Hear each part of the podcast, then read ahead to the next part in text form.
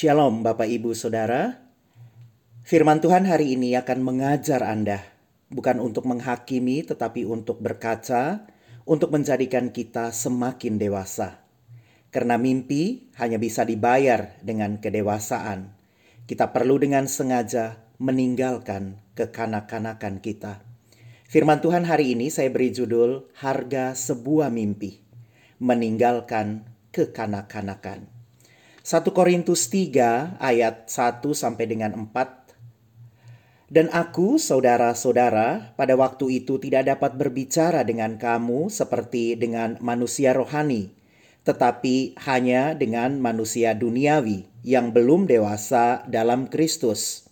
Ayat yang kedua, susulah yang diberikan kepadamu bukanlah makanan keras, sebab kamu belum dapat menerimanya dan sekarang pun kamu belum dapat menerimanya. Karena kamu masih manusia duniawi, sebab jika di antara kamu ada iri hati dan perselisihan, bukankah hal itu menunjukkan bahwa kamu manusia duniawi dan bahwa kamu hidup secara manusiawi? Ayat 4, karena jika yang seorang berkata, aku dari golongan Paulus, dan yang lain berkata, aku dari golongan Apolos, Bukankah hal itu menunjukkan bahwa kamu manusia duniawi dan bukan rohani? Paulus berkata, "Saat ini saya tidak berhubungan dengan orang-orang yang sudah dewasa rohaninya. Saya berhubungan dengan orang yang masih kekanak-kanakan secara rohani." Kapan kita ditemukan kekanak-kanakan secara rohani? Ketika di dalam membangun hubungan dengan Tuhan, dan di dalam membangun hubungan dengan sesama, kita kedapatan tidak spiritual. Kita kedapatan tidak rohani. Kolose 1 ayat 27 sampai 28. Kepada mereka Allah mau memberitahukan betapa kaya dan mulianya rahasia itu di antara bangsa-bangsa lain, yaitu Kristus ada di tengah-tengah kamu Kristus yang adalah pengharapan akan kemuliaan. Dialah yang kami beritakan apabila tiap-tiap orang kami nasihati dan tiap-tiap orang kami ajari dalam segala hikmat untuk memimpin tiap-tiap orang kepada kesempurnaan dalam Kristus. Bapak, ibu, saudara, pengharapan akan kemuliaan, sinar yang terang, kemil, kem, kemilau memandang kemuliaan Tuhan, manifestasi kemuliaan Tuhan. Kemuliaan itu berasal dari kata mulia, sesuatu yang nilainya tinggi, sesuatu yang berbobot, sesuatu yang berkualitas.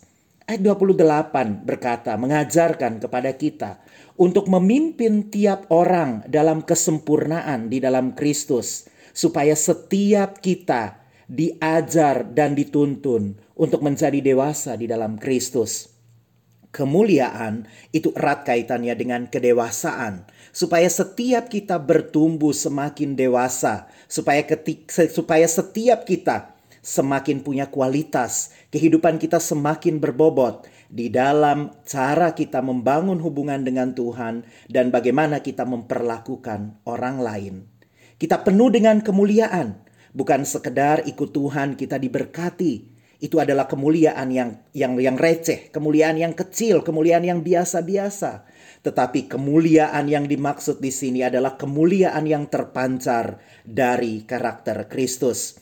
Kristus pengharapan akan kemuliaan itu. Hidup kita akan semakin mulia, hidup kita akan semakin berbobot, hidup kita akan semakin berkualitas, bernilai tinggi karena kedewasaan rohani kita mengalami pertumbuhan.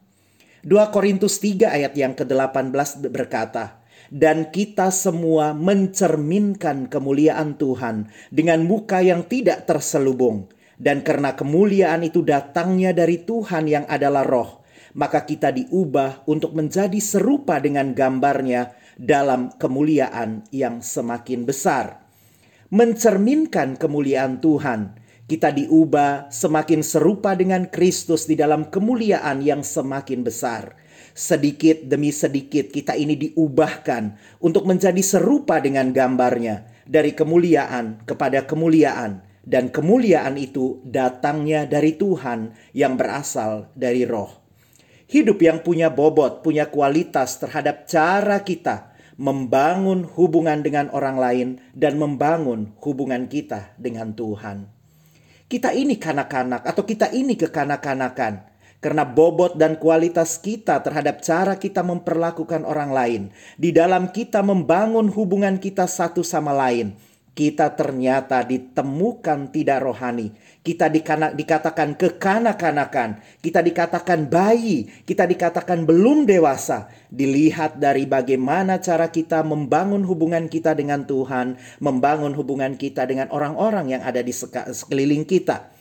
Sekarang kita punya pengharapan jika Kristus Tuhan itu ada di dalam hidup kita hidup kita akan diubah semakin serupa dengan Yesus Kristus, sedikit demi sedikit. Semakin lama kita semakin berkualitas, semakin lama kita semakin serupa dengan segambar dengan Kristus yang adalah tinggal di dalam kehidupan kita. Itulah kenapa kita butuh Tuhan Yesus untuk tinggal hidup di dalam hidup kita, supaya kita diubahkan di dalam Dia. Kenapa? Karena menuju kedewasaan, tidak pernah terjadi dengan otomatis. Butuh upaya, butuh usaha, butuh sesuatu yang dikerjakan dengan sengaja. 1 Korintus 13 ayat yang ke-11 berkata, "Ketika aku kanak-kanak, aku berkata-kata seperti kanak-kanak, aku merasa seperti kanak-kanak, aku berpikir seperti kanak-kanak. Sekarang sesudah aku menjadi dewasa, aku meninggalkan sifat kanak-kanak itu." Kedewasaan itu dimulai dari keputusan.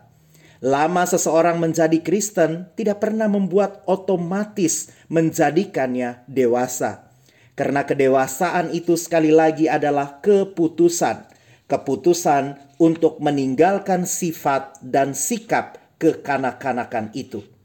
Pertanyaannya, apa saja sifat kekanak-kanakan itu? Mari kita pelajari sama-sama dari Yakobus 3 ayat yang ke-11 sampai ke-17. Adakah sumber memancarkan air tawar dan air pahit dari mata air yang sama? Saudara-saudaraku, adakah pohon ara dapat menghasilkan buah zaitun dan adakah pohon anggur dapat menghasilkan buah arah? Demikian juga mata air asin tidak dapat mengeluarkan air tawar. Hikmat yang dari atas ayat 13. Siapakah di antara kamu yang bijak dan berbudi? Baiklah ia dengan cara hidup yang baik menyatakan perbuatannya oleh hikmat yang lahir dari kelemah lembutan. Jika kamu menaruh perasaan iri hati dan kamu mementingkan diri sendiri, janganlah kamu memegahkan diri dan janganlah berdusta melawan kebenaran. Itu bukanlah hikmat yang datang dari atas, tetapi dari dunia dari hawa nafsu manusia, dari setan-setan. Sebab di mana ada iri hati dan mementingkan diri sendiri, di situ ada kekacauan dan segala macam perbuatan jahat. Tetapi hikmat yang dari atas adalah pertama-tama murni, selanjutnya pendamai, peramah, penurut, penuh belas kasihan, dan buah-buah yang baik, tidak memihak dan tidak munafik. Kedewasaan sekali lagi adalah cara kita membangun hubungan dengan Tuhan dan memperlakukan orang lain dari sifat yang datangnya dari atas. Kekanak-kanakan adalah sifat yang datang dari hikmat manusia, yang datang dari nafsu, yang datang dari setan-setan, kata firman Tuhan. Karena itu, putuskan untuk tinggalkan sifat kekanak-kanakan Mari bertumbuh dari bayi-bayi rohani menjadi anak-anak rohani, dari anak-anak rohani menjadi orang-orang yang dewasa secara rohani. Apa saja yang perlu ditinggalkan? Menurut firman Tuhan yang baru saja kita baca, setidak-tidaknya ada sebelas hal yang perlu kita tinggalkan dari kehidupan kita ini untuk menuju kepada kedewasaan rohani. Di ibadah yang pertama ini saya akan membagikan sebagian dan sebagian lagi saya akan bagikan pada ibadah kita yang kedua. Apa saja yang perlu kita tinggalkan di dalam kehidupan kita ini untuk meninggalkan kekanak-kanakan kita? Firman Tuhan tadi katakan Yakobus 3 ayat yang ke-14, jika kamu menaruh perasaan iri hati dan kamu mementingkan diri sendiri, Janganlah kamu memegahkan diri dan janganlah berdusta melawan kebenaran. Apa itu iri hati? Iri hati adalah benci atau tidak suka melihat orang lain memiliki sesuatu yang dia tidak miliki. Dia berharap orang lain kehilangan apa yang dimiliki. Kalau bisa, kita yang memilikinya. Kok bisa sifat seperti itu muncul? Dari mana sifat seperti itu muncul? Ketika manusia jatuh di dalam dosa, manusia alami kebocoran di dalam hatinya. Saat manusia jatuh di dalam dosa, setidak-tidaknya manusia kehilangan ketiga hal ini. Pertama, manusia kehilangan kemuliaan Allah. Rasa berharga dalam hidupnya saat manusia itu jatuh di dalam dosa, keberhargaan hidupnya menjadi hilang. Kedua, saat manusia pertama diusir dari Taman Eden, ia merasa tertolak. Manusia kehilangan rasa diterima. Ketiga, pada waktu manusia itu jauh dari Tuhan, hidup menjadi tidak pasti, tidak ada lagi pemeliharaan Tuhan, sehingga manusia kehilangan rasa aman. Kenapa kebocoran seperti itu bisa terjadi? Karena manusia kehilangan kemuliaan Allah, manusia kehilangan rasa diterima, manusia kehilangan rasa aman. Yakobus 4 ayat 1 sampai kedua berkata, "Dari manakah datangnya sengketa dan pertengkaran di antara kamu? Bukankah datangnya dari hawa nafsumu yang saling berjuang di dalam tubuhmu? Kamu mengingini sesuatu tetapi kamu tidak memperolehnya, lalu kamu membunuh. Kamu iri hati tetapi kamu tidak mencapai tujuanmu. Lalu kamu bertengkar dan kamu berkelahi, kamu tidak memperoleh apa-apa karena kamu tidak berdoa." Amin. Karena itu belajar untuk kita mengucap syukur akan apa yang kita miliki. Kita tidak fokus kepada apa yang tidak kita miliki. Ikutlah berbahagia dan merasa sukses dengan sukses orang lain. Senang dengan kesuksesan orang lain. Anda juga layak untuk mendapatkan kesuksesan yang sama. Karena itu, jangan menaruh perasaan iri hati. Kekanak-kanakan rohani, salah satunya karena kita suka iri hati. Kalau kita mau dewasa, kita harus belajar untuk mengambil keputusan meninggalkan iri di dalam hati. Yang kedua, mementingkan diri sendiri atau egois. 1 Korintus 13, 13 ayat yang kelima berkata, Ia tidak melakukan yang tidak sopan dan tidak mencari keuntungan diri sendiri. Ia tidak pemarah, ia tidak menyimpan kesalahan orang lain tidak mencari keuntungan diri sendiri atau memaksa orang lain untuk mengikuti kemauannya sendiri. Egois atau mementingkan diri sendiri ini suka memaksa orang lain mengikuti kemauannya. Sebetulnya dalam diri manusia ini ada dua sisi. Yang pertama adalah keinginan roh dan yang kedua adalah keinginan daging. Ketika manusia itu ingin berbuat kasih, kasih adalah keputusan untuk membahagiakan dan menguntungkan orang lain. Kalau bisa, seperti Kristus mengorbankan dirinya untuk orang lain. Kasih tidak menguntungkan orang lain walaupun dirinya tidak bahagia. Itu kasih, itu adalah keinginan roh. Sedangkan keinginan daging berlawanan dengan keinginan roh. Keinginan daging itu egois, mementingkan diri sendiri, ingin supaya dirinya diuntungkan dan dibahagiakan. Dan kalau bisa, orang lain tidak perlu bahagia, mengorbankan orang lain egois cenderung melihat kepada dirinya. Dirilah, dirinya lah yang menjadi pusat, yang menjadi center. Orang lain harus berorientasi kepada dirinya. Ciri-ciri orang yang egois adalah orang yang suka menuntut. Suami atau istri suka menuntut kepada pasangannya harus A, harus B, harus C, harus yang lain-lain sesuai dengan harapannya mengharapkan perubahan dengan menuntut orang lain untuk berubah seperti apa yang dia mau. Padahal dirinya sendiri tidak mau berubah. Perubahan itu harus dimulai dari diri sendiri. Egois itu suka menuntut. Egois lalu dari dari suka menuntut orang itu kemudian bersifat bersikap controlling. Dia suka untuk mengendalikan. Sikap yang ditujukan untuk menguras emosi mereka untuk membuat orang lain tertekan supaya mendapatkan apa yang dia mau. Nah, ini bahaya. Terjadi antara suami dan istri, terjadi antara orang tua dan anak, terjadi antara atasan dan bawahan. Orang-orang menjadi suka controlling, suka menuntut, suka suka egois, mementingkan dirinya sendiri. Ada tiga senjata orang yang melakukan controlling. Pertama, rasa takut. Kalau tidak lakukan ini, maka kamu akan begini, kamu akan begitu. Pacaran kalau tidak lakukan ini bagus kita putus saja. Itu ancaman. Itu mengintimidasi, itu menyebarkan rasa takut. Pemimpin, pimpinan di, di kantor, di perusahaan bisa juga melakukan intimidasi, bukan memberi inspirasi, tapi melakukan intimidasi, menyebarkan rasa takut supaya dia dapat mengontrol. Kedua, kewajiban. Kenapa engkau tidak memperlakukan demikian? Ini kewajiban. Aku ini kan atasanmu. Aku ini kan adalah gembala. Aku ini adalah cegel leadermu. Aku ini adalah pimpinan. Harusnya engkau memperlakukan seperti ini, seperti itu. Lalu kemudian memberikan kewajiban. Otoritas yang dipercayakan di dalam hidupnya digunakan untuk melayani dirinya sendiri. Itu adalah orang yang egois, orang yang suka kontrol. Yang ketiga, dia menyebarkan rasa bersalah. Mungkin kalau orang itu membangun hubungan, aku pikir kalau kita sudah dekat, ternyata kamu tidak bisa diandalkan. Dia mulai menyebarkan rasa bersalah. Setelah apa yang selama ini aku lakukan, ternyata kamu gak bisa diandalkan. Dan orang itu mulai merasa bersalah. Supaya apa? Supaya dia bisa kontrol. Amin. Sekali lagi, kedewasaan itu membutuhkan keputusan. Keputusan untuk meninggalkan sifat kekanak-kanakan. Amin keputusan untuk meninggalkan sifat kekanak-kanakan. Amin Bapak Ibu Saudara. Yang ketiga, memegahkan diri, angku, sombong. Nah, kesombongan adalah dosa yang tidak kelihatan. Seseorang yang sombong, dia tidak menyadarinya. Sulit untuk disadari, sulit, untuk terdeteksi.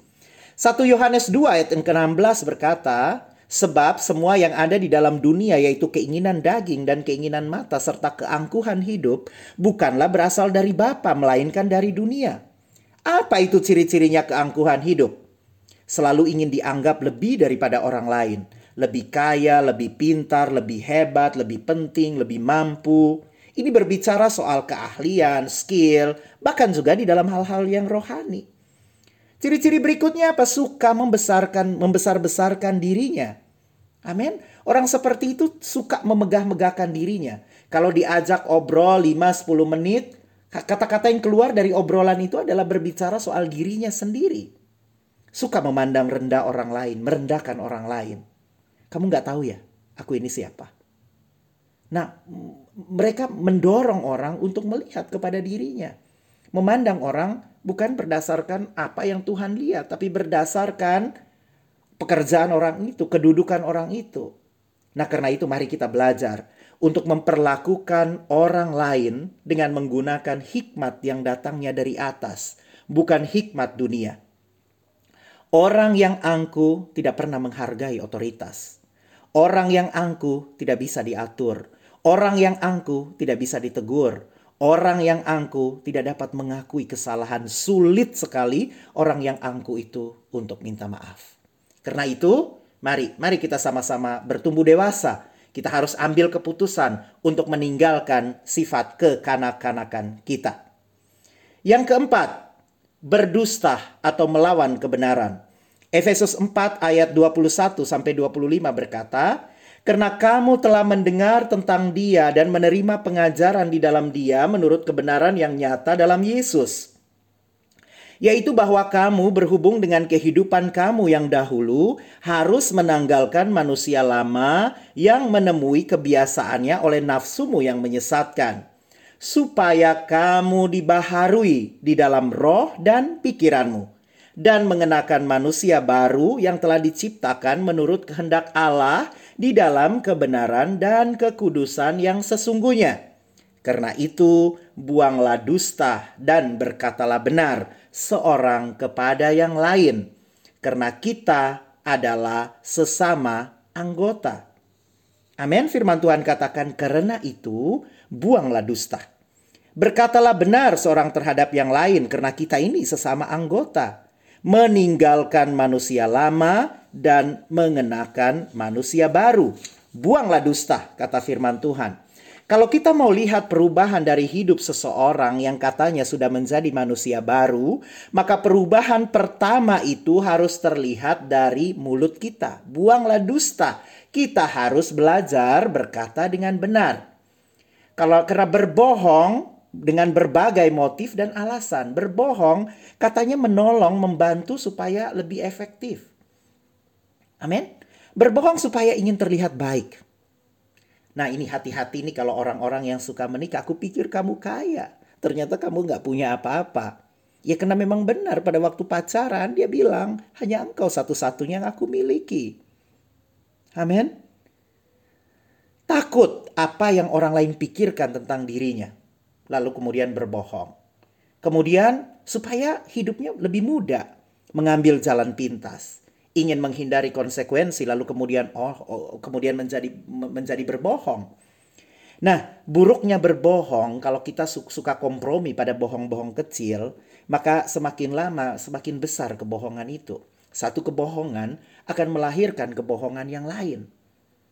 Oke, dan kemudian kita makin percaya bahwa kebohongan itu akan membuat sesuatu itu lebih efektif daripada kebenaran. Nah, bahaya kalau kita membohongi diri kita sendiri. Membangun hidup atas kebohongan, bisnis dengan kebohongan, pernikahan dengan kebohongan, nah itu bahaya. Nah hidup itu ternyata nggak bisa dibangun atas dasar kebohongan. Kebohongan itu menghancurkan, karena itu sekali lagi buanglah sikap kekanak-kanakan tidak rohani dalam membangun hubungan. Amin. Dan yang kelima, murni atau uh, tidak tulus. Mazmur 24 ayat ke-3 sampai ke-4 berkata, Siapakah yang boleh naik atas gunung Tuhan? Siapakah yang boleh berdiri di tempatnya yang kudus? Ayat yang ke-24, orang yang bersih tangannya dan yang murni hatinya, yang tidak menyerahkan dirinya kepada penipuan dan yang tidak bersumpah palsu. Ada orang yang menjadi tidak murni, tidak tulus, mereka melakukan sesuatu karena pamri, karena mau mendapatkan sesuatu karena ada agenda pribadi. Nah, dengan tidak tulus atau orang sebut bilang, orang sering bilang ada udang di balik batu atau transaksional, ada maunya. Nah, kita melakukan sesuatu bukan karena kita mengasihi, tapi karena kita mau supaya orang-orang melihat apa yang kita lakukan. Amin. Nah, tidak murni atau tidak tulus, tidak murni atau tidak tulus itu menunjukkan kekanak-kanakan kita secara rohani. Mari Bapak Ibu Saudara, kita perlu belajar untuk bertumbuh menjadi orang-orang yang dewasa secara rohani. Kita harus belajar untuk murni apa adanya di hadapan Tuhan murni apa adanya di dalam kita membangun hubungan kita dengan sesama. Firman Tuhan hari ini sekali lagi menjadi cermin bagi setiap kita. Saya membagikan firman Tuhan ini bukan untuk menghakimi Bapak Ibu Saudara. Saya sendiri pada waktu menyiapkan firman Tuhan ini belajar kekanak-kanakan apa yang ada di dalam hidup saya yang perlu saya tinggalkan. Firman Tuhan katakan apa yang engkau ingin orang lain perbuat kepadamu, perbuatlah demikian juga kepada mereka. Nah, kedewasaan kita ditentukan oleh bagaimana kita membangun hubungan kita dengan Tuhan dan membangun hubungan kita dengan sesama. Tahun ini gereja kita punya tema besar tahun mimpi dan penglihatan. Kita sudah belajar sama-sama bagaimana Yusuf bermimpi dan bagaimana mimpi itu tergenapi di dalam kehidupannya. Tetapi mimpi yang tergenapi itu membutuhkan harga yang harus dibayar. Nah, harga kualitas harga yang dibayar oleh Yusuf adalah kualitas kehidupan kerohaniannya. Bagaimana sikap hatinya ketika dia dibenci oleh saudara-saudaranya. Ketika saudara-saudaranya iri kepadanya. Ketika dia dimasukkan ke dalam sumur, ketika dia dijual, dia mungkin juga mengalami penolakan. Ketika kemudian dia dipercaya di rumah Potifar, ketika Potifar memfitnahnya, ketika kemudian dia dimasukkan ke dalam penjara. Nah, mungkin di dalam kehidupan kita kita juga mengalami hal-hal yang demikian. Mungkin kita kita ditolak di tengah-tengah keluarga karena kita ini adalah orang-orang Kristen.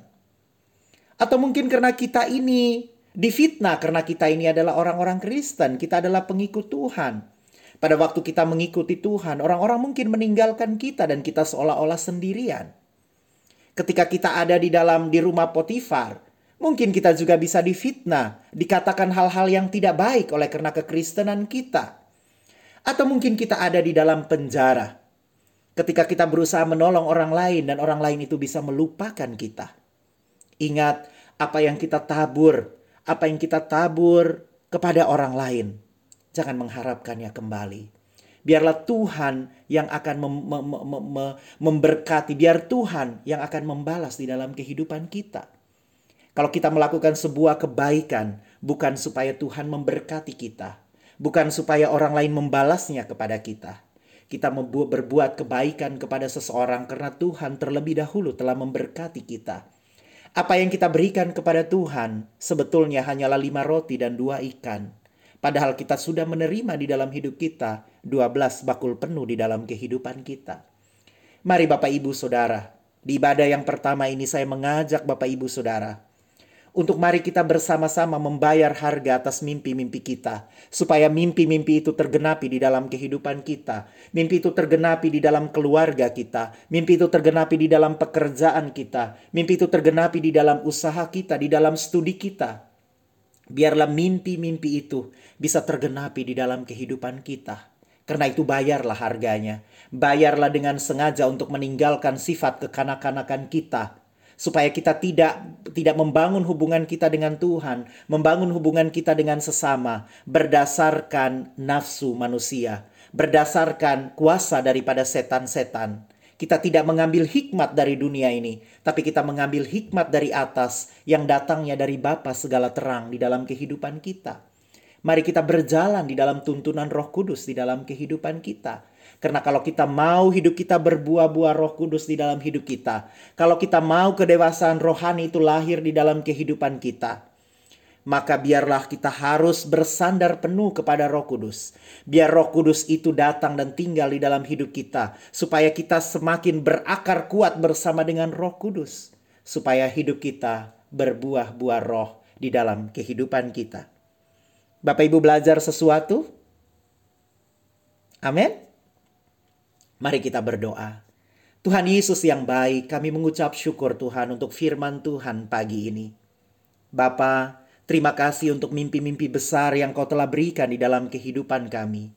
Mimpi atas kehidupan pribadi kami, mimpi atas keluarga kami, mimpi atas pekerjaan kami, mimpi atas usaha-usaha kami, mimpi atas studi kami, mimpi atas gerejamu, mimpi atas setiap CG-CG kami. Tuhan terima kasih untuk mimpi-mimpi itu. Kami berdoa Tuhan supaya mimpi-mimpi itu boleh tergenapi di dalam kehidupan kami. Kami berdoa Tuhan supaya mimpi-mimpi itu tidak sekedar sebuah mimpi, tapi biar mimpi-mimpi itu menjadi kenyataan di dalam kehidupan kami. Ini kami Tuhan, kami mau bayar harga untuk mimpi itu tergenapi di dalam kehidupan kami. Kami mau mulai dengan mengambil keputusan untuk meninggalkan kekanak-kanakan rohani kami, untuk kami meninggalkan bayi-bayi rohani di dalam hidup kami sifat kekanakan-kanakan kami dan kami mau melangkah untuk menjadi orang-orang yang dewasa rohaninya ya Tuhan.